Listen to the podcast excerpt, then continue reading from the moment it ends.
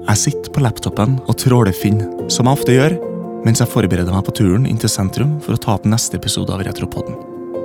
Mens jeg scroller nedover sida, litt for fort, som jeg ofte gjør, er det en kjent form som suser oppover skjermen. Akkurat for fort til at jeg kan være helt sikker på hva det er. Jeg stopper, scroller opp igjen. Det er en Amiga 1000 til salgs.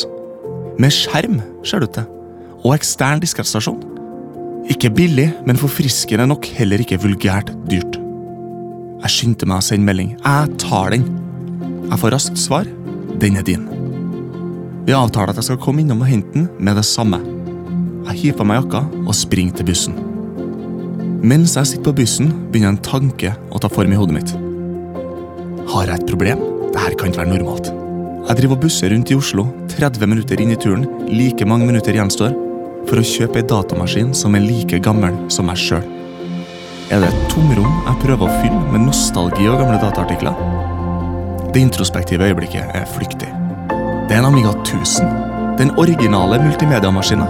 En datamaskin som var så forut for sin tid at ikke engang Commodore skjønte hvem hadde eieren. Jeg har et Amiga 1000-forma hull i sjela, og det er bare en Amiga 1000 som kan fylle. Thomas, som selger maskinen, forteller at han fikk den i konfirmasjonsgave. At den har stått på loftet til foreldrene hans siden den ble erstatta på begynnelsen av 90-tallet. Det er slettes ingen dårlig konfirmasjonsgave. Vi prater, spiller litt Hybris og ser gjennom diskettene. Det er mye morsomt i samlinga til Thomas. Og maskina, skjermen og diskettstasjonen ser overraskende velholdt ut, og alt fungerer sånn som det skal. Peder kommer til å frike ut, tenker jeg. Han vet ikke noe om det her. Thomas er godt selskap, og jeg innser plutselig at det bare er ti minutter til vi skal begynne å ta opp episoden Monkey Island. Jeg har glemt tida. Men Thomas er så raus at han tilbyr seg å kjøre meg. Jeg takker ja, og 15 minutter senere står jeg og Peder og beskuer vidunderet. Den her må vi lage episode om, sier Peder. Sjølsagt, sier jeg. Og nå sitter vi her, Leif. Ja. Med din nyinnkjøpte Amiga 1000 rett Mm. foran oss. Ja. Og den ser jo fantastisk fin ut. her vi sitter. Den har gulna litt, Litt rann? men, men den ser uh, Det er et vakkert syn. Vi har tatt en del bilder som vi kommer til å legge ut på Facebook. Mm. Den er veldig velholdt, og nå har ikke jeg skrudd den opp ennå. Mm. Inspisert innvendig, men alt fungerer jo. Mm. Eh, Så jeg vil tro at den er i god stand. Mm. Det første jeg testa her, var tastaturet, og det var utrolig deilig. Mhm. Altså, det her er et av de beste tastaturene jeg har skrevet på. Mens Amiga 500, for de som kjenner til den, Mm. har et tastatur som ikke er så godt å skrive på, egentlig. Nei. Det ble aldri skrevet så mye på det, fordi man, det er veldig mye joystick og, og, og diskett. Ja, det er tydelig at det, at det, var, det, det var tenkt til annen bruk. Ja, så det her er ikke mekanisk, men åh, det, Ja. det er bare perfekt um, mengde travel og alt sånne ting. Det er som et egentlig ganske moderne tastatur, vil jeg si. Det, er, det har den her kvaliteten som mekaniske tastatur har, der det er litt motstand i begynnelsen, og så Mhm. slipper motstanden. Mm. Og det er mykt Ja, touch. Du får, en veldig sånn, du får en veldig tydelig respons på når du har skrevet noen ting. mm. Um, og vi vet jo at uh, de her første Amiga-modellene var jo ikke tenkt som spillmaskiner på den måten som Mm. man ofte tenker på dem. da. Det var jo uh, Commodore Business Machines som laga dem, Mm. og de hadde jo uh, sett for seg at det kom til å bli mye brukt i business. Mm. I hvert fall i Europa. Tyskerne hadde sett for seg det. i hvert fall. Eh, Jeg hadde jo ikke hørt om Amiga 1000 før jeg møtte deg. Eller jeg hadde kanskje hørt det. Jeg trodde at det var noe nyere enn Amiga Mm. 500, men det er jo da noe eldre. Så det her er- kom ut først, og så kom Mm. Amiga 500, og så kom Amiga 2000 osv. Så, Riktig. så det her er jo en eh, litt dårligere maskin. Den hadde vel original 256 kilobyte minne. Mm. Og så er den her da oppgradert med en veldig kul expansion Mm. til 500. Som ser veldig stilig ut. Du tar ut et sånt lokk på forsida her. Ja, det, det er liksom. generelt en veldig stilig maskin. Mm. Den er veldig lik eh, Commodore 128 Desktop, den som ble solgt i Norge. Mm. eh, som kom ut vel samme året, Mm. i 85, tror jeg. Og nå sier du at, det, at det, man kan tenke på det som en dårligere maskin enn Amiga 500, men de er veldig like Mm. innvendig. Um, Amiga 500 har da 512 kilobyte med minne innebygd, Mm. og den har kickstarten, som man kan tenke på som biosen til Amigaen, Mm. på en chip rett på hovedkortet. Amiga 1000 har ikke det, så man er nødt til å laste inn kickstarten i minnet mm. når man starter maskinen. Og det vil jo da ta opp litt av den dyrebare minneplassen, som man bare har 256 kilobyte Og av. kickstarten er det som gjør at du kan starte spill og sånt Ja. på en enkel uh, måte. Du har eh, veldig mye kunnskap om Amiga, Leif. Takk. Har du lest mye om Amiga? Jeg har vært lidenskapelig opptatt av Amiga Har du siden lest- jeg var liten. Det har vært mye på Wikipedia-artikkelen og redigert. Nei, jeg har faktisk ikke redigert den eneste. Nei, jeg har ikke. Men eh, jeg må jo si at Amiga 1000 for meg har vært litt sånn en hellig gral-maskin. Mm. De er ikke så veldig vanlige. eh, og de er heller ikke så veldig, de har ikke så høy samleverdi Mm. som noen av de andre uvanlige Amiga-modellene. Sånn som 3000 og 4000 går for mye mer. Ja, og hva betalte du for den her? uh, jeg betalte uh, en god sum Ja. for den. Mm. Ikke mye, og ikke lite. Ja, Så uh, midt imellom et. Ja, Det har jo dukka opp Amiga 1000 på Finn før, og det har aldri falt meg inn å sende Mm. Uh, melding, Hva de ligger i? Hva er prissjektet? Altså, Det var en som dukka opp for noen år siden til 11 000 kroner. Ja. Og så gikk jeg den ned til 7,5. Og så fikk helt sikkert selgeren et tilbud som de aksepterte, tenker jeg. Mm. Men jeg synes også altså det er helt hårreisende. Altfor mye penger. Nå var det også noen noe ganske nylig som la ut en Amiga 2000 for 6000 kroner. Som også Mm. er altfor mye for Amiga 2000, som er den mest solgte eh, big box Amigaen. Mm. Så det her er en Amiga 1000 med tastatur, med ekstern diskettstasjon og med skjerm. Og alt sammen fungerer. Tenk at du har fått av det her, for du har drømt om det lenge. Du har snakka Mm. mye om Amiga 1000, og nå sitter du med din egen Amiga 1000 foran deg. Det er artig. Ja. til meg, Peder. Det er artig til deg, ja. Jeg er glad for at jeg får være med på den første Mm. påskruingen av maskinen. Ikke sant? Eh, Du har fått med, altså Historien til den her er at han du kjøpte den, fikk den i konfirmasjon i Konfirmasjonsgave? Mm. 1985. yep. Som var året den kom ut, eller? Det, den var helt ny. Mm. Han hadde åpenbart en visjonær far. Ja. Og han her har vært med han hele livet, egentlig. Ja. godt det ser vi. Den er brukt på en fin måte. Jeg ser han har klistra på noen nye lapper når eh, Dem er, dem er fra fabrikken. Ok, så nå sitter jeg og ser på at noen taster har en mye hvitere farge enn andre. Mhm. Og det trodde jeg var, men det er fordi det norske eh, tastaturet med æ å har de bare klistra på egentlig et Ja, det var Å det sånn så ut som han hadde gjort det selv. Nei, selv, ok. Jeg spurte om det. For jeg tenkte sånn, yes, ok, jeg- Da jeg så den på Finn, så var jeg litt sånn skeptisk først. Jeg tenkte ok, det her er sikkert en tysk eller en, eller en amerikansk, forhåpentligvis ikke, Mm. Amiga. Men det er uansett klistremerker på æ, ø, å, kolon, altså semikolon, de her uh, som er annerledes på det norske keyboard-atelieret. Så det er det Commodore som har gjort, Mm. Når de solgte dem i Norge. Tenk at det er da 34 år gammelt, Ja, det er meg. og enda så uh, moderne i touchen. Så han, for, ja, ja, ikke sant? Han fortalte at uh, han hadde brukt maskiner uh, frem til han fikk en Pentium 100, antageligvis. Og han tenkte at det måtte ha vært noe rundt 93 94, rundt der et sted. Mm. Så da hadde han jo da, fikk den her Amiga 1000, da den var helt splitter ny. Um, og de hadde betalt eh, hva sa, 13 eller 16 000 kroner for den, tror jeg. 16 000 eller noe sånt. Mm. I 1985. Altså i 1985-penger. Det må jo ha vært summer. Kjempemasse penger. Det må jo være noe sånt som 40 000 i dag? 50 000 i dag? Det var det datamaskinen kosta, da. Ja. ja, Um, og Amigaen var jo Altså, det var det neste store kvantespranget i datateknologi. Mm. Også da, da Pentiumen dukka opp, så var jo det også det neste Mm. store kvantespranget. Så jeg må jo si at han var altså, Han var med på det. ja, Mm. lyktes godt i datainnkjøpene sine. Mm. Kvantesprangene har vært eh, god på alt det. Så den her har da antageligvis stått på loftet til foreldrene hans siden la oss si 93 da, Mm. og frem til i dag. Mm. Heldigvis så er Amiga 1000 ikke en av de modellene som har et sånt um, tønnebatteri på hovedkortet. Ja, Oh noen, shit, jeg håper ikke det, i hvert fall. ja, du må sjekke etterpå. Ja. For det er jo uh, sånn at på noen Amiga 500 spesielt, så lekker det batteriet. Det er i minneutvidelsen. Ja, okay, Amiga det er det 500 ligger, pluss, så står det på hovedkortet. Ja. Ja, så, hva du ikke vet. uh, Ja. om. Uh, og de batteriene begynner å lekke, så det er veldig mange på loftet at det, det ødelegger krets. Uh, Har du en Amiga 500 pluss eller en Amiga 2000, eller 3000 eller 4000, som, du står, som står på loftet og du tenker sånn her, ja, ja, men det bare står der i ti år til, så selger jeg den. Ta den ned og ta det batteriet. Hvis du ikke vet hvordan, få noen du kjenner til å gjøre det. Send Fordi det kommer til å bli ødelagt. Ja, vi kan Mm. gjøre det for. Jeg har jo aldri sett denne maskinen før. Nei. og det er et vakkert skue. Jeg kan si at det er jo en sånn um, stasjonær uh, Hva heter det? Det altså, Desktop. ja, en desktop. Så mens Amigaen hadde, Amiga 500 hadde tastatur og maskiner i én Mm. pakke, så er det her en boks med maskiner. Mm. En tastatur er separat på utsida, og så står skjermen oppå. Mm. Og det er en Commodore uh, 1081-skjerm, som jo er den som jeg i hvert fall syns ser ut som den klassiske Commodore-skjermen. Men Ja. den hadde en ekstra ting. Det var et eller annet med den, var det ikke det? Ja, eller den, eh, den skiller seg fra er vel 1084, som jeg vanligvis har hatt, tror jeg. Den her har en SCART-tilkobling på baksida. Ja. Jeg syns det er litt kult. Mm. Så da kan man se på Um, videokassetter. Og det, Ja, det kan man også Mm. gjøre. Men den her Amigaen den, den har jo en RGB-kontakt, sånn som alle Amigaene har. RGB ut. Og det eh, kan kobles til SCART-en for å få et veldig sånn krisp og fint bilde.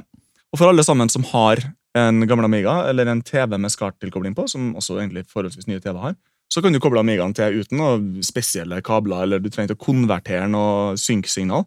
Du bare kobler den rett inn i SCART-en, og så funker det kjempebra. Mm. Kult. Mm. Har vi kommet dit hen at vi skal prøve å skru på det her? Jeg syns nesten vi må gjøre det. Hver eneste gang vi i Retropoden eh, har en maskin vi skal skru på og teste, så, så, så tar det oss fire-fem timer med knoting før vi får liv i det Yes. som vi pleier å klippe bort. da. Så det Ja. blir spennende å se i dag Mm. om den her funker, om vi faktisk får opp et spill ganske fort, eller om vi må liksom inn i, på emulere Windows og formatere noen disketter. og... Herregud. Ja, jeg fikk jo med et hav av Ja, disketter. han har fått med masse ekstrautstyr. Mm. Og han har fått med, Leif har fått med en joystick som han var veldig glad for å få med, som er en original Amiga 1000 joysticker. Nei. Nei, det er det ikke. Men det er, dem, det er den joysticken jeg og broren min hadde da vi hadde Commodore 128 da vi var små. Mm, Og jeg har drevet og lett etter de joystickene i lang tid. Så det var bare flaks at den var med her. Og... Helt gull. Mm. Altså, altså Snodig var det. Mm, det kommer med en del uh, altså big box-spill. Ja, tre eller fire. av de, som ikke er så big, men som ser veldig sånn Amiga 500-aktig ut på Mm. tenker jeg. I tillegg til masse bare løse disketter og kopier. og... Mm. Det er også verdt å nevne at den Mm. joysticken, som vi kommer til å laste opp bilder av på Facebook-sida, den er laga i Danmark. Ja, det var det bakpå der. Artig. Mm. Utrolig. Hva het den fabrikken? Joystick-fabrikken? Eh, dansk joystick eh, et eller annet. Mm. Kommer samboeren til å bli fornøyd eh, når du kommer hjem med det her? Jeg tror jeg må snike det inn. Ja. Det må gå under radaren. Ja. Og så får jeg eh, Få ta det på natta, på en måte. da. Ta én og én ting, putt det i garasjen, og så tar du ja, Du har kanskje ikke garasje. Jeg har eh, ut, utvendig bod, men Ja. planen er da å For det, jeg har jo en del utstyr etter hvert, og nå har jeg liksom bestemt meg for at hvis noe går inn, så må noe annet ut. Mm. Så noe må ryke. Ja. Eh, så vi får bare sjekke hva det Hvis blir. 486-en går, så står jeg klar til å ta Ja. over. 486-en går nok aldri. Leif har en veldig fin 486 med masse lastet opp med masse spill, Ja. som er veldig god å spille på, som vi var og testa i episoden som vi lagde i sommer, hvor Mm. vi var hjemme hos han, og den falt jeg for, så jeg har lyst på en 486 sjøl. Men nå skal vi skru på det her vidunderet. Ja. Fartsvidunderet. Kan vi Mhm. kalle det et fartsvidunder i 1985? Ja, hjelpe meg. Mm. Altså, eh, milevis foran. Peder, kan, kanskje du kan hente den diskettboksen som eh, den minste er? For der tror jeg kickstart-disketten skal ligge. Skal vi se. Vi har da ikke skrudd den på eller sett noe eh, signal. Leif hadde testa den der du var og henta den. Ja, Den Mhm. funka fint. Skal vi se. Så nå sitter vi med eh, en boks med disketter foran oss. Ja. Og eh, det er sånn som sånn Amiga-bokser med disketter pleier å være. Men det er litt andre titler enn jeg er vant med å se, siden det her er en Amiga 1000. Men jeg ser noen kjente titler, som Stunt Car Racer. Mm. ligger her. Jeg tar ut den disketten, så vi kan eh, huske å spille det. Ultima 3. eh, som ikke jeg kjenner, men som er et spill som du kjenner. Jeg mm. Mm. Her er mye jeg ikke har hørt om. Bone Cruncher, Echo, Fred Flintstone. Åh, Sånn her diskett er meg så mye i barndommen. En sånn her diskett, å gud a Mm. meg. Fred Flintstone, bare det. Jeg har bare lyst til å teste det. Ja. Bubble Bobble, det hørtes litt kjent ut. Det er kult. Ja, ja, men det er en klassiker. Gauntlet 2 har du her. Ok, Så det spiller jo veldig, det her er jo veldig Amiga 500-aktig spill. Amiga 500-spill, måtte det portes til 1000, eller er det Nei. ganske Så det her, det her kan vi jo bare si, da. Eh, det, det er akkurat den samme teknologien som Amiga 500. Mm. Så det her original custom chipset, som det heter, det er det samme i Amiga 1000 som i 500. Ja. Så alt som funker på 500, funker på Amiga 1000. Ja, men eh, den hadde mindre minne i utgangspunktet. Ja, så så lenge du har nok minne. Men det er ikke alle Amiga-spill som krever noe særlig mer enn 256 Nei. kilobyte. eller? Å ja, riktig. Men så er det noen da som krever 512, og noen som krever en megabyte. Her er Barbarian. altså det Her er Mm. mye fine spill. Okay. Barbarian testa vi borte. Thomas som jeg kjøpte ja, Nå må vi bare skru på. Mm. Uh, skal du ha kickstart-disketten? Jeg tror jeg har den. Så la oss se. Jeg fant forresten et musikkprogram her. Eh, Soundtracker 2.1. Den funker ikke. Ah. Det testa jeg. litt, ja. Så, nå har jeg skrudd på. ja. Rødt uh, lys, skal vi se. Uh, skjermen skrur seg på. Uh, Og den viser ingenting. viser ingenting som vanlig. Jo da, Ja. her kommer det, Det Amiga hvitt, vil jeg kalle den fargen. ja. Den flimrer, Så, flimrer skjermen litt, eller er det lys, LED-lys i det her rommet, kanskje? Uh, altså, De her gamle skjermene flimrer jo. Ja. Den henter seg inn. Så la oss, Nå kommer den her berømte handa med å sette inn en diskett opp. Mm, det ser helt ut som for meg Amiga 500, altså. Det her er akkurat det samme som det du ser når du starter opp din Amiga 500. Mm. For den har kickstart 1,2 i seg. Det kom flere forskjellige kickstarts i én-serien Mm. til Amiga. 1,2 og 1,3 er de mest vanlige. 1,3 er liksom den jeg forbinder med Ja. mm. Så på Kickstart 1,2 kan man fremdeles kjøre Workbench 1,3. Mm. Eh, Men la oss nå prøve da, å sette inn Workbench. ja. Så nå når vi har lasta inn Kickstarten, da kan vi begynne å Mm. laste inn andre ting. Så nå ligger den i minnet, da, kickstarten. -hmm. Det ser, nå begynte skjermen å roe seg litt ned, med blinkinga, det ser veldig crispt og fint ut. Mm. Og det er noe med de originale CRT-skjermene. Der blir alltid slått i bakken av hvor- fint bildet faktisk Mm. er. Fordi Ja. man sitter nå og man emulerer det, og det blir sånn bulky og liksom pikselert, mens de pikslene forsvinner jo på de her eh, gamle skjermene, fordi alle fargene flyter litt sammen, og det er jo sånn det er ment det skal se ut. Mm. Nå er vi inne i Workbench. Det ser ut som Workbench. For det er jo Workbench. Og nå må jeg bare si her, fordi det her har jeg drevet og tenkt litt på i sommer. Og jeg sendte også deg en video eh, nå nylig. Eller jeg tror jeg har sendt den, men er Mm. du, har ikke, du har ikke sett den, så det er mulig jeg har klebba litt. Men det er en YouTube-kanal som heter Amiga Love. mm. Der en fyr han er veldig, veldig begeistra for Amiga 1000. Mm. Snakker du om deg sjøl i tredje person? og han har laga et, eh, et ikonsett for Amiga Workbench 1,3 Mm. som ser kjempefint ut. Men det som slår meg veldig når jeg ser på Amiga Workbench 1,3, i all sin blå og oransje eh, fryd, Mm. er hvor flott jeg syns det operativsystemet ser ut. Mm. Eh, det er noe med Hvis jeg nå for eksempel, da klikker på Workbench-disketten Bare for å klare, til hvis noen ikke kjenner til eh, Workbench, -hmm. så er det eh, det grafiske operativsystemet som kom til Amiga. Så Ja. liksom Windowsen deres, Ja. på en måte. Eh, men lenge før Windows. Det er jo lenge før Windows. Når var denne Workbenchen? kom? 1985. Ja, og når kom Windows 3.1? 3.1 kom jo vel på 90-tallet en gang. Ja, men det kom en Windows 1 vel før det. Windows 1 kom ut etter det her. Ja. Uh, og det her er jo da samme året vel som det første MacOS lanseres. ja, som var grafisk da. Eller om det Mm. kanskje kom ut i 80, Mm. slutten av 84. Så, så de, vi ser de ikonene på skjermen som er Altså, det vi kjenner i dag med at det er liksom en, en eh, skuff, det er mm. liksom mappene her, da. Mhm. Og det vi ser på nå, er de programmene som er installert. Mm. Så demos, utility system, empty. Så det er en mm. klokke, preferences og en trashcan hvor man kan kaste ting. Så det er jo Selv om det her da er var 34 år gammelt, mm. nå er kanskje workbenchen litt nyere, så er det jo mye av det samme som vi sitter med i dag. Mm. I Og- veldig stor grad. Legg merke til at uh, altså, det er et par ting som jeg synes er kult her med, med hvordan de har designa operativsystemet. På sida her, på venstre side av vinduet som vi sitter og ser på, som vi har åpna den disketten, operativsystemdisketten, så er det en liten, en liten bar mm. som viser fra full til empty, som er hvor mye av disketten som er brukt. Ah. Og det er oransje på en svart bakgrunn, Mm. og resten av det er blått. Det er det jeg sitter og ser på uh, nå, ja. Så der kan du se hvor mye. Det var en smart måte å løse på. Det er en veldig smart måte å løse nå det på. gjør man ikke det så mye, fordi du tenker ikke så mye på plassen. Så det er kanskje ikke så aktuelt. Men jeg husker, det, det er jo noe man har savna i mange Mm. operativsystem. Og det er veldig enkelt, og det er mye enklere enn å drive og skal å, å, å bruke denne uh, linja over her til å vise hvor mange bytes som er ledig. Mm. Som da må du sitte og regne deg frem til hvor store filer du skal flytte over. Dette er en veldig enkel og visuell måte å gjøre det på. Og når vinduet er inaktivt, så er fonten og resten av, av eh, liksom det visuelle er blurra, og når jeg klikker på vinduet, så blir det krispt og Så det klart. og fokus. Så det vi, viser på en veldig enkel måte hvilket vindu du har Mm. aktivert. Ja, da ble det mye klarere. Mm. La oss se på noen av demoene. da. Ja. Jeg har ikke åpna denne mappa før, så jeg vet ikke om det er noe her i hele tatt. Dots, boxes, Mm. kult. Lines. Ja, kult. Ok, la oss kjøpe på boxes. Den samme loader-lyden som vi er kjent med fra mm. eh, Amiga 500. Den diskstasjonen høres like lik ut. Så grunnen til at det her er da en Nå starta han et nytt vindu, den har lasta inn denne demoen, som bare tegner bokser i de fire forskjellige fargene som Workbench bruker. Det er oransje, hvit, svart og blått. Den, den bare Det er kaotisk eh, Ja, bokstegning. men den gjør det veldig fort, så det er sikkert ganske mm. imponerende. Hastigheten den klarer å tegne bokser på, er vel det som er, den viser. Det den viser, er at operativsystemet kan multitaske. Mm. Og det var det ingen, altså, Vi snakka om i stad at operativsystem var forholdsvis nytt på en her, Mm. men operativsystem som kunne multitaske, var det ingen andre som gjorde. Ah, så det er det, for nå har vi masse vinduer åpne til at det skjer flere prosesser samtidig Mm. i prosessoren. Altså, Mm. MacOS kunne ikke multitaske før i versjon 7, eller noe sånt. Mm. Altså langt ut på er 90-tallet. ja. La oss starte neste demoen, da, Dots. Mm. Og så ser vi at til og med mens den loader, så tegner den bokser fremdeles. Ja. Og nå tegner den bokser samtidig som den tegner dots i et annet vindu. Ja, så nå er det multitasking. Og det her Mm. dots er jo noe jeg har lagd mange ganger når jeg sitter og programmerer og koser meg. For det er bare sånn tilfeldige farger, og tilfeldige Det er ganske fascinerende å lage det. Mm. Som, som du putter på en skjerm, og så lager den et abstrakt kunstverk, på en måte. Ja. Som tegner seg opp sakte, men sikkert. Så starter vi den siste nå, Lines. Jeg har en følelse at det er linjer som tegnes opp. Antageligvis. Ok, Så nå kjører vi tre applikasjoner samtidig, og det var fine linjer.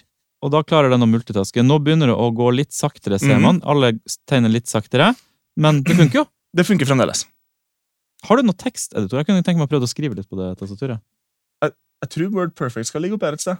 Hvis vi skal laste inn noe nytt, må vi begynne med kickstart-disketten igjen? Eller Nei, den Den, eh, den ligger fremdeles i minnet frem til vi skrur av maskinen helt. Ja, forresten, her har vi Notepad. Ok, Da skal vi teste tastaturet og bare se hvordan det er å skrive på et 34 år gammelt tastatur. Lever det opp? Kunne man brukt det her i dag som sin note-taking-maskin. Og funka alle testene. Så Ja, du tar den sånn. tastaturet er en ganske digg tyngde. Mm. Og nå kan jeg sitte med det på fanget mitt mens jeg skriver. Det her er utrolig digg. Mm. Kjemperesponsivt. Helt perfekt. Det her er det tastaturet jeg skulle ønske jeg hadde kobla til PC-en min Jeg Jeg testa masse tastatur før jeg kjøpte det. Eller jeg har sånn her setup hjemme med sånn skjerm sånn jeg kobler dataen til. Mm. laptopen til. Og jeg leter etter et tastatur, og det er cirka denne feelingen jeg har i mitt tastatur. Mm. Okay. Bare at det her er hakket nicere, egentlig. Mm. Og det har en veldig rar plugg, så jeg tror ikke jeg kunne brukt det. Ser ut som en telefonkabel på andre Ja. sida. Det er veldig snodig. Ja, ja, det her er helt konge. Og de tastene sitter akkurat der den skal. For folk som er glad i tastatur, så er Amiga 1000-tastaturet virkelig verdt å teste ut. Hvis Mm. alle kommer med det her, eller? Jeg må bare skyte inn en liten kommentar her i tilfelle noen eh, sitter og erger seg. Amiga 1000 har mekanisk tastatur. Både jeg og Peder trodde det var noe annet, men jeg har undersøkt det nærmere, og det er altså mekanisk. Ikke bare er det mekanisk, men det er, som Peder sier, et ekstremt nice tastatur. Tilbake til sendinga.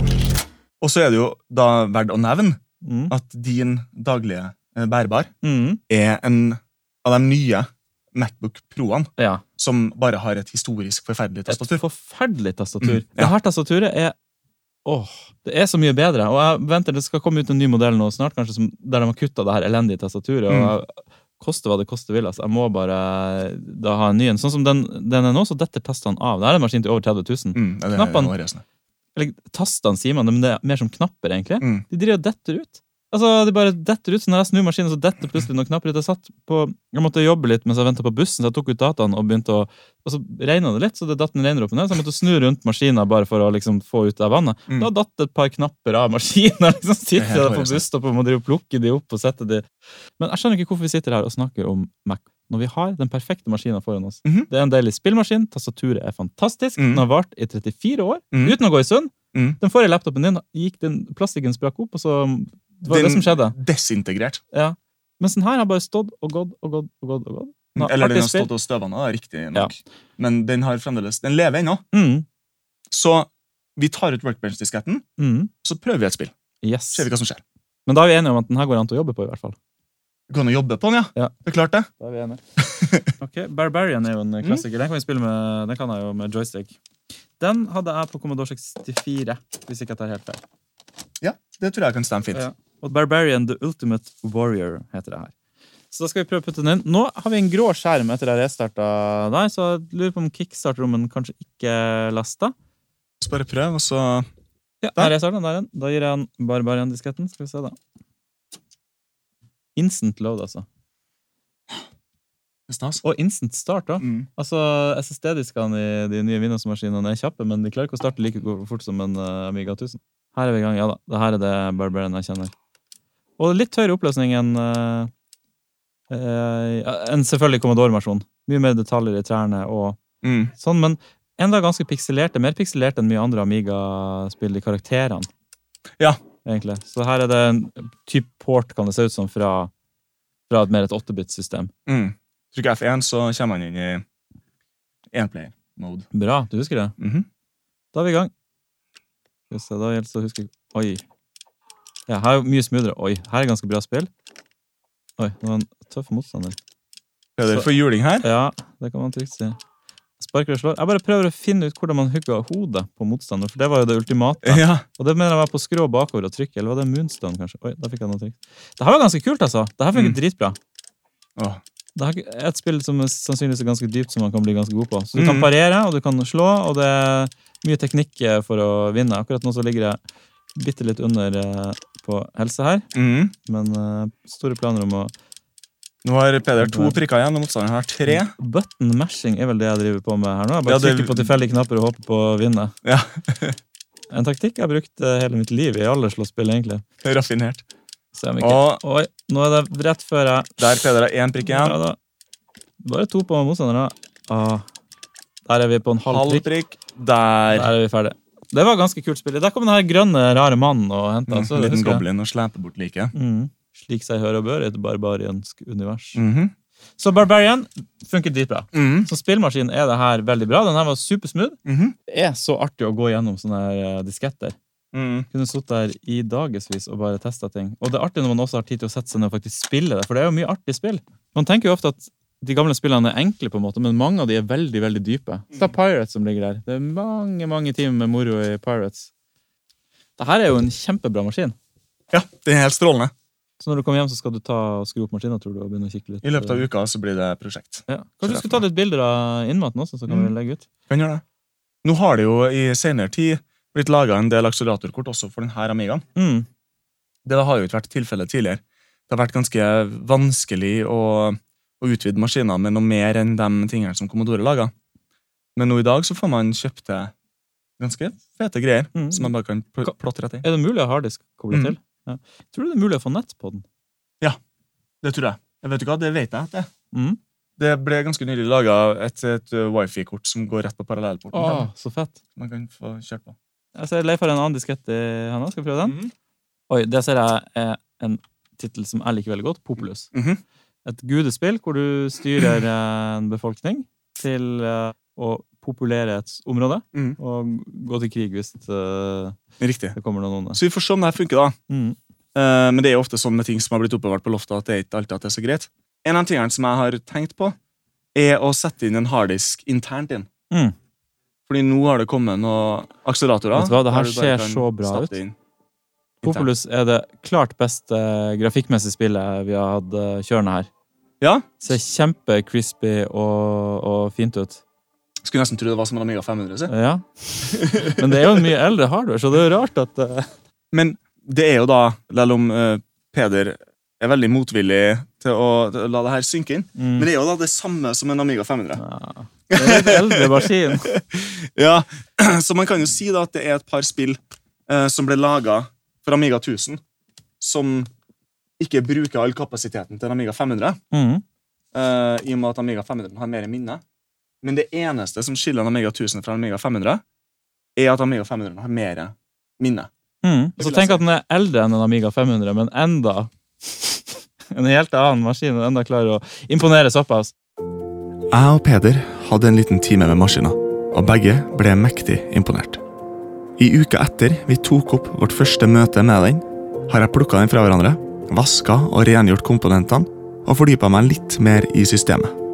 Denne uka med Amiga 1000 er første gang siden jeg var liten at jeg faktisk har fått den eh, Amiga-stemninga. Det er noe unikt med Workbench 1.3 og de gamle 80-tallsspillene. Den står nå oppkobla i mitt eget lille hjemmestudio, rett bak meg her, og kommer sikkert til å bli stående her lenge. Neste på agendaen for Amigaen er å sette inn ID-kontroller og ekstra minne, men først skal jeg til Naug. Naug står for Nesodden Amiga User Group, og dette er det tredje treffet de arrangerer. Som lidenskapelig Amiga-bruker kunne man tenke seg at det var midt i blinken for meg, men jeg er også delvis antisosial. Jeg har alltid fortalt meg sjøl at jeg trives godt i mitt eget selskap, men sannheten er nok bare at de fleste sosiale situasjoner gjør meg litt ubekvem. Da jeg skulle ut på første naug, passa jeg på å kom tidlig. Jeg vet at det ikke er spesielt stilig, men det er nok en slags panikkstrategi. Da tiltrekker jeg meg minst mulig oppmerksomhet når jeg kommer inn døra. Dette er ikke noe jeg har artikulert før, men nå som jeg sier det, så føles det riktig. Jøss, det her ble en introspektiv og terapeutisk episode for meg. Men det jeg vil frem til, er at jeg virkelig ikke hadde noe å bekymre meg for. Naugarrangørene er en fantastisk innbydende og raus gjeng med folk. Jeg ble tatt varmt imot av Erlend umiddelbart. I helga som var, arrangerte de Naug 03. Jeg var 100% sikker på at jeg skulle av gårde. Det føles befriende å ha noen likesinnede å prate med. Og en mer vidtfangende gjeng med allment likende nerder skal man lete lenge etter. Kjempeartig. Nå har den store Naug-dagen omsider kommet. Forrige gang jeg var utover på tur, så tok jeg bussen ut. Og som Peder har sagt i en episode, så er det jo ingen av oss som har eh, lappen. Den gangen her så tenkte jeg at jeg skulle ta med Amiga 1000, og egentlig Amiga 1200 også. Og grua meg litt til å ta med det på bussen. Men heldigvis så har Paul eh, sagt at han kan plukke meg opp i bil. Så vi skal ut på en liten roadtrip. Paul har nå uh, sagt at han er på vei, og det er litt over en time før jeg trodde at han kom til å være det. Så nå har jeg plutselig fått det litt travelt med å pakke ned alt. Men det holder jeg på med nå. Og så uh, Bærst ut til Nesodden. Spennende. Så da har vi reisebrev eh, nummer én fra turen ut til Nesodden. Vi har eh, fått lempa alt utstyret inn i biler. I ei eh, ganske nett eh, lita bil med overraskende god plass. Så da har vi én Amiga 1200, som er Paul sin, og en Amiga 1200 som er min. En Amiga 1000, en printer, tre skjermer og en blåsekk full med greier. Utstyr Utstyr. Ja. Joystick, disketter. og uh, retro-magasiner. Ja, Pål har med masse retromagasiner. Så nå har vi eh, vel akkurat kjørt ut av Oslo. Pål er fra Nord-Irland, Hei, jeg er Paul. Jeg kommer fra Nord-Irland. så eh, vi sjekker vel inn igjen eh, med ny lite, nytt lite reisebrev når vi er litt nærmere Nesodden, tenker jeg. Nå er vi inne på Nesodden. Og det er veldig fint. Vi har akkurat kjørt forbi noe som så ut som en fjordarm, men som antageligvis var en stor innsjø. Vanskelig å si. Og nå er vi vel ganske nærme der vi skal være. Ja, Tror jeg. 50 minutter igjen. Ja, 15 minutter. Yep. Ja. Og da blir det vel å rigge opp Amigasen, og så skal vi grille. Og Pål må jo være kjørbar, så du skal vel antakeligvis ikke drikke noe øl? Nei, jeg skal ikke drikke noe øl. Nei, må drikke noe annet, da. Ja, vann. Vann? ja. Å ja. Så trist. Må passe på veien her. Så heldigvis så er det en liten eh, dagligvarebutikk der vi skal, så vi får kjøpt oss litt grillmat. Nå er vi frem. Kjører vi inn Naug 03. Her er en plakat Åh, med Amiga Workbench. 1,2 eller 1,3. Plakat. Litt ryggfiks. Nesodden, Office Space, Makerspace. Da er vi ganske tidlig ut, virker det som. Det er en Helge også. Hei, hei. En av dagens premier. Og se her. Så, da har vi kommet frem. Da skal vi bare begynne å lempe inn. Uh, vi møtte en Helge her utafor. Nå er klokka Kvart på ett. kvart på ett. Ja, Ja, omtrent. ok. Da er det om å gjøre å få utstyret inn. Den første begivenheten etter ankomst er turnering. Og første spill ut er Worms Directors Cut. Jeg stjeler meg en liten prat med Martin før det braker løs. Jeg har også en lang prat med Martin senere på kvelden om en ganske spesiell Amega 2000 som han har. Men den praten ble så lang at vi slenger den ut som en liten bonusepisode. Så den helt spesielle Amega 2000 bonusepisoden kommer sporenstreks. Så nå har vi altså da kommet litt på plass. Alt sammen er rigga opp, og det er klart. Og Martin inviterer til Worms, som er Worms, the, the Director's Cut. Directors Cut. Eh, et av den beste Amiga-spillene. Ja. Vil Det må være greit å si. Eh, som egentlig er det jo bare en litt forbedret versjon av Worms 1. De har på en måte Ja. perfeksjonert Worms 1. Eh, for at Worms 2 kom jo ikke, eh, aldri på Amiga. Nei. Eh, og selv om Amigaen egentlig var død da spillet her kom ut, så eh, bestemte Tim Sandin seg likevel for å, så som et farvel. Ja. Så i 90 Det var ganske, kom ganske seint. 96 eller noe sånt. Ja, kanskje. ja, ikke sant? Ja. Eh, og gi ut denne De perfeksjonerte Worm 1 og så ga ut den på bare Amiga. Sport, og det neste, neste de ga ut da, var Worms 2 på PC. Det er mange som har meldt seg på Worms-konkurransen. Så mens spillerne hamrer inn lagnavnene sine, huker jeg også tak i Erlend for en liten prat, for å høre litt om hans historie med Amiga-plattformen. Så det her er jo da Erlend, som er arrangør. Eh, ja, arrangør, eller vi er jo en liten gjeng da, som arrangerer sammen. Ja. Jeg og Martin og Helge har vært med litt der og stiller med hardware til konkurranser og sånne ting. Men uh, i utgangspunktet så er jo vi en vennegjeng som I hvert fall jeg og Martin. Vi eh, møttes gjennom Amiga i 1992 eller 3 eller sånt, tenker jeg. Martin hadde i hvert fall Amiga 500, og så dro jeg hjem til han.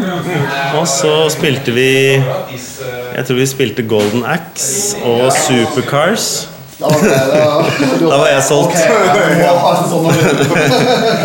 Og så kom vel 1200-en ut omtrent på den tida, gjorde den ikke det? Men du, for jeg husker du, du kjøpte 1200 på du holdt med en stund før jeg.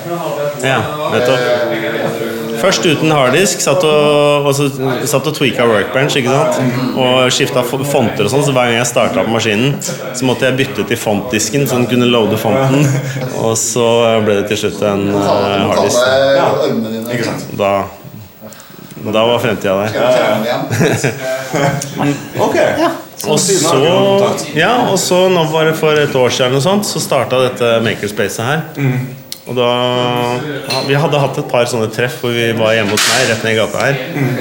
Og Selge var et har hatt julebord hos deg, blant annet. Amiga-julebord. Eh, og så fant vi ut at det kanskje var kult å gjøre det her, for da er det litt, mer, litt større muligheter. Og så er det 3D-printere her. Og nå nå er vi på nummer tre her. Og det er bare for folk å komme. For det er, vi, er bare sånn mange er vi i dag? Ti stykker eller noe sånt? Og det er jo fullt med maskiner, men vi kunne godt hatt flere mennesker her. Det går inn en del til. Det er plass til, det er plass til 30 her. Ja da. Vi kommer omsider i gang med Worms, og det er både kjent og ukjent for de fleste. Jeg har for min del spilt ganske mye Worms 1, men har i årene siden spilt enda mer Worms 2 og 3, og hva enn de heter etter hvert. Så da jeg satte meg ned med gode gamle Worms Directors Cut, var det som å lære seg å kjøre bil igjen, som jeg da altså aldri har lært meg. Så det hele var ganske surrealistisk. Etter første runde var spilt, hooka jeg tak i Edvin, som enehendig holdt meg med øl den kvelden. Takk, Edvin. For en av deltakerne var jo da Edvin, som har, med, som har kommet langveis fra. Helt fra Vestlandet. Hvor fra? Fra Stord. Fra Stord. Ja, ja. fra Stord. Med en frysedunk full med hjemmelaga øl. Det Stemmer. Fantastisk god øl. Ja, det var gode. Er Kveiken gjorde jobben. Det er Kveiken som er Norsk, norsk gjør det nye. Ja. Kjører på. Er det det du bruker i alle dem du lager? Nei da, altså normalt sett så bruker jeg jo amerikansk Ok. Ok.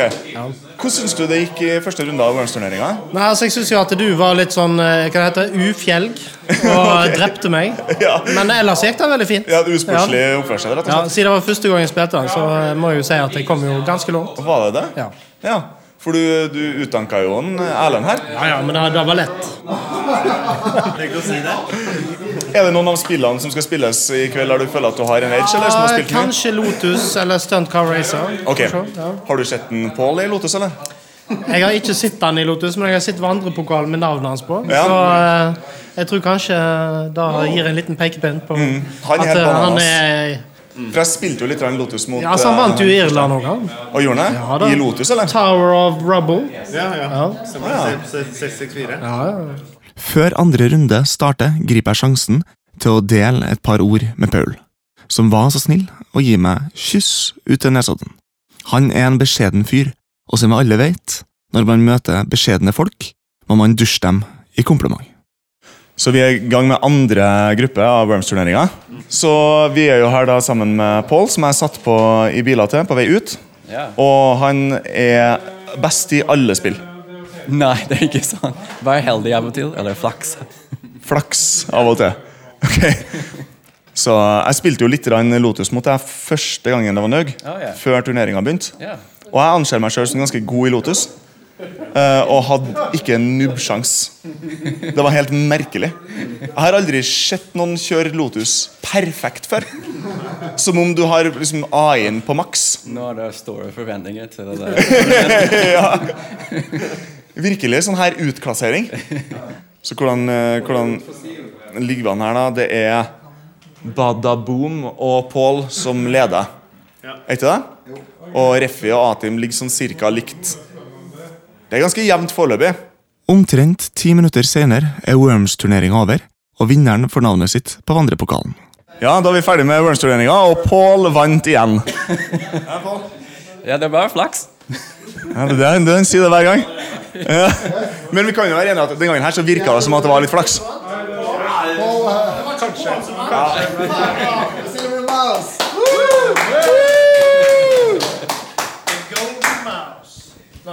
Hvordan føles det på? Ja, det føles veldig bra, takk. Med første turnering overstått blir det mer tid til mingling, og jeg finner meg raskt i prat med Helge, akkurat som jeg gjorde på første Naug. Helge ville være til stede på mange av opptakene fra Naug 03. Hvis du alltid har hatt lyst til å dra på ei sånn samling som det her, men har som meg alltid vært bekymra for å bli sittende alene i en krok som en myring, så tror jeg jeg kan si med sikkerhet at det ikke er noe å bekymre seg for. Bare huk tak i en Helge. Da føler du deg umiddelbart inkludert. Nå sitter eh, jeg og Helge og spiller golf på Det morsomme er at vi er altså inne i Mac-emuleringsverden Ja, på Amiga. yes. Og vi spiller Links Pro, som eh, aldri kom på Amiga. Men det er jo da oppfølgeren til Links World of Golf, som kom på Amiga. Og det kjører jo kjempebra. Desto bedre, faktisk. Ja. Av helt unaturlige årsaker. Ja. Så er det knallbildet. Altså jeg kan bare Ja, nei, det er helt utrolig bra. Ja, det er rett og slett Jeg må si at jeg syns det er en fornøyelse å emulere eh, Mac i, eh, på en Amiga. Det er liksom, det, det bare Det funker så fint. Og så kjører Det er Bobcat Goldthwaite som, eh, som narrater golfkampen vår her.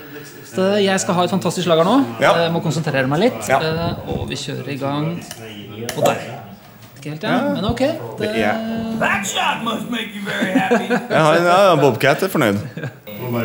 så var det den uh, vandrehistorien om at, uh, at den kjappeste Mac-en er en Amiga, da. Mm. Ja, det er jo han eh, Hva heter han for noe? Han Retro Mancave. Ja, Han han lager en video. Den hvor han sammenligner en samtidig Mac med en uh, Amiga. Nå er det Martin som, uh, som prater. Ja. Nå skal Helge ta en monsterputt her. Det er 60 fot unna, unna hullet. Jeg tar i hvert fall kjøre på og justere meg selv litt til høyre her. Ja. Eh, se på vinden at det er eh, ja, Det er masse faktisk, vind. det er Masse vind. Jeg kan få litt hjelp til eh, Det kommer til å trille bra. Ja. Vi roterer oss litt, og vi Massiv putt. Ja Det var det. Det der var ikke så dumt. Nå er det bare fire fot unna hullet. Yes! Bra, bra, bra. Da er det sikkert meg min tur til å putte. Ok. Da prøver jeg å være litt mer beskjeden i uh, Og vinden, ikke noe vind her. ikke noe vind. Yes! Timetersputt. Den gikk i hullet. Da er det skjebnesputten til Helge her. Ja, det er eh, fire fot. Mm. og jeg skal touche bare så vidt. Det er mulig jeg må rotere litt til høyre igjen her. Vi får se. Yes! Der, Der er vi. der satt den, vet du. Det der var bare en smakebit eh, av golfspillet vårt. Men jeg føler at det illustrerer stemninga på Nau ganske fint. Man kommer fort i prat med noen, og før man vet ordet av det, sitter man og koser seg med et 25 år gammelt golfspill. Etter golfturneringa vår bæres det ut i bakgården for grilling. Erlend fyrer opp gassgrillen, og jeg angrer raskt på at jeg kjøpte meg en diger pakke kjipe pølser istedenfor en liten pakke deilige pølser. Men hjelpes, man lærer så lenge man lever. Jeg blir mett, jeg òg. Nå står vi i bakgården og har grilla, og neste på agendaen er quiz med quizmaster eh, Martin. Det er retroquiz. Ja, og bare si det at uh, Han er utrolig flink til å lage quiz og er en ekstremt uh, kunnskapsrik person. Så dette kan bli veldig interessant. Ja, Så spennende. Det er, her er Helge som snakker, forresten. Det er ikke lette spørsmål. for å si det sånn. Nei, nei, nei, nei, nei. Dette er, Vinner du dette her, da er du god. Shit. Så det er med andre ord Remi som kommer til å vinne. Ja, Men jeg tror faktisk vi blir lag. Å ja! Ja, så det er slik at eh, flere kan ha moro, da. Ok.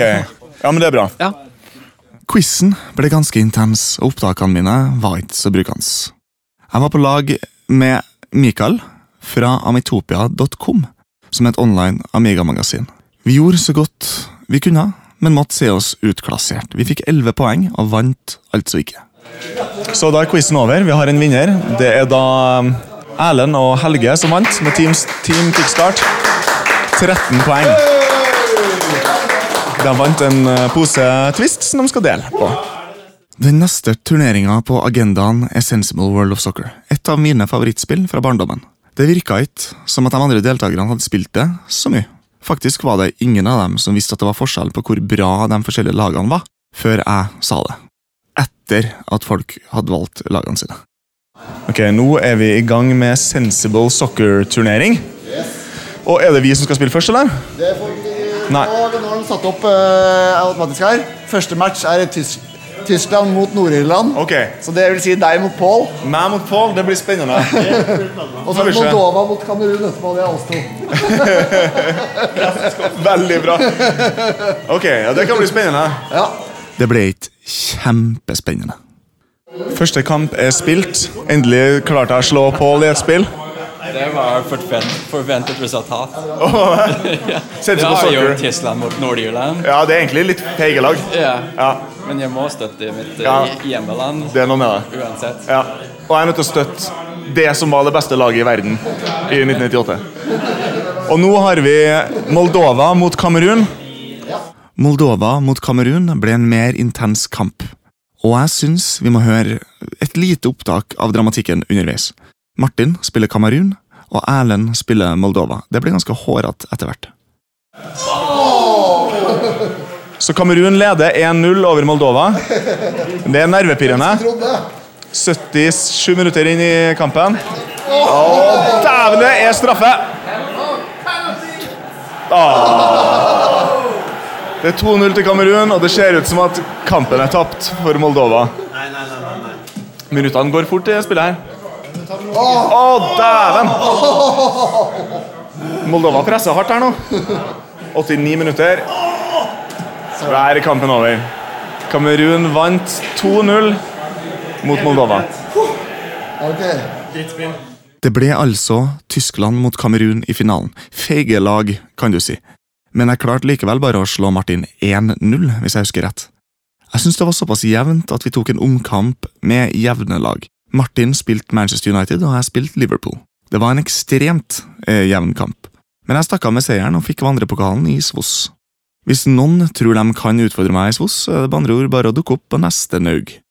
Neste konkurranse er i Superdodge. Naugs store overraskelse for min del. Et overraskende artig hotseat-spill.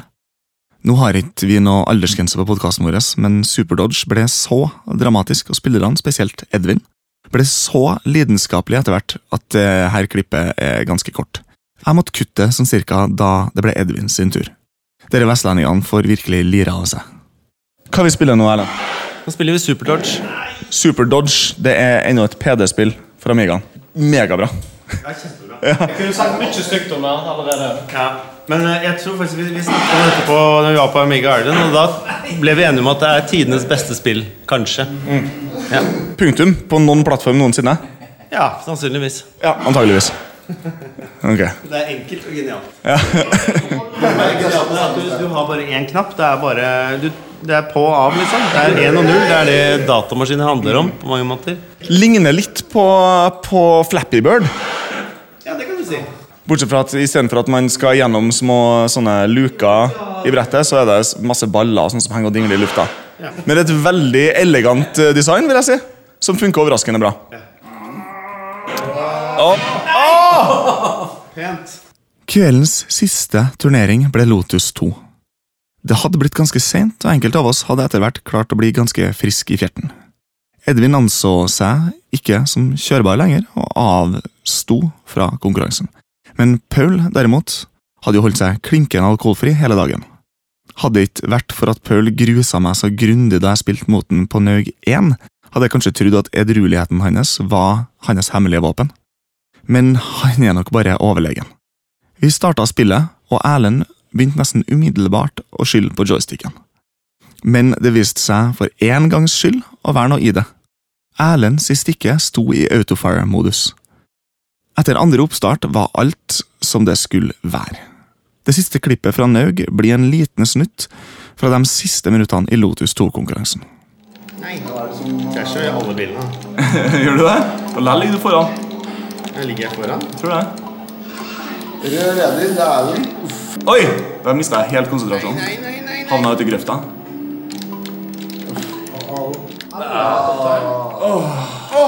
Det var nært, Så nære. Jeg fikk tatt igjen en del poeng. da. Ja, masse poeng. Game over. Game over, man. Ja, men det var, det var Paul som vant igjen. Ja. Defender of the crown. Det var kult, det, altså. Paul. Det var kult, det, altså. Da vi sette på en, eh, da vi setter på en eh, merkelapp hvor det står eh, Naug. Naug 03. Det var det vi hadde i dagens episode av Retropoden. Det var leit at Peder ikke kunne bli med ut på Nug, men jeg føler meg sikker på at han blir med neste gang. Det var kjempeartig. Strålende gjeng med folk og knakende god stemning. Utover kvelden ramla det til og med inn flere folk som ikke hadde vært her før. Og jeg ble sittende i en lang prat med Tommy, som hadde snubla over Naug på nettet og kom kjørende fra Drammen. Tommy hadde ei fascinerende samling Amiga-utstyr, og vi ble sittende foran Amiga 1000-en min og diskutere. Jeg angrer litt på at jeg ikke fikk noe opptak av det. For han hadde mye finurlig info, annet om de forskjellige revisjonene, og hva som forandra seg fra den ene til den andre. Veldig interessant for dem av oss som interesserer seg for sånt. Apropos finurlig info om forskjellige revisjoner. Det kommer, som nevnt tidligere, en liten bonusepisode i løpet av uka som skal handle om Amiga 2000. Nærmere bestemt den første Amiga 2000-en som kom. Det er et opptak av min samtale med Martin om maskiner. Hvis det høres interessant ut, er det bare å glede seg til den. Som alltid kan du nå oss på Retropodden på Facebook, på Soundcloud og på retropodden at gmail.com. Takk for at du hørte på.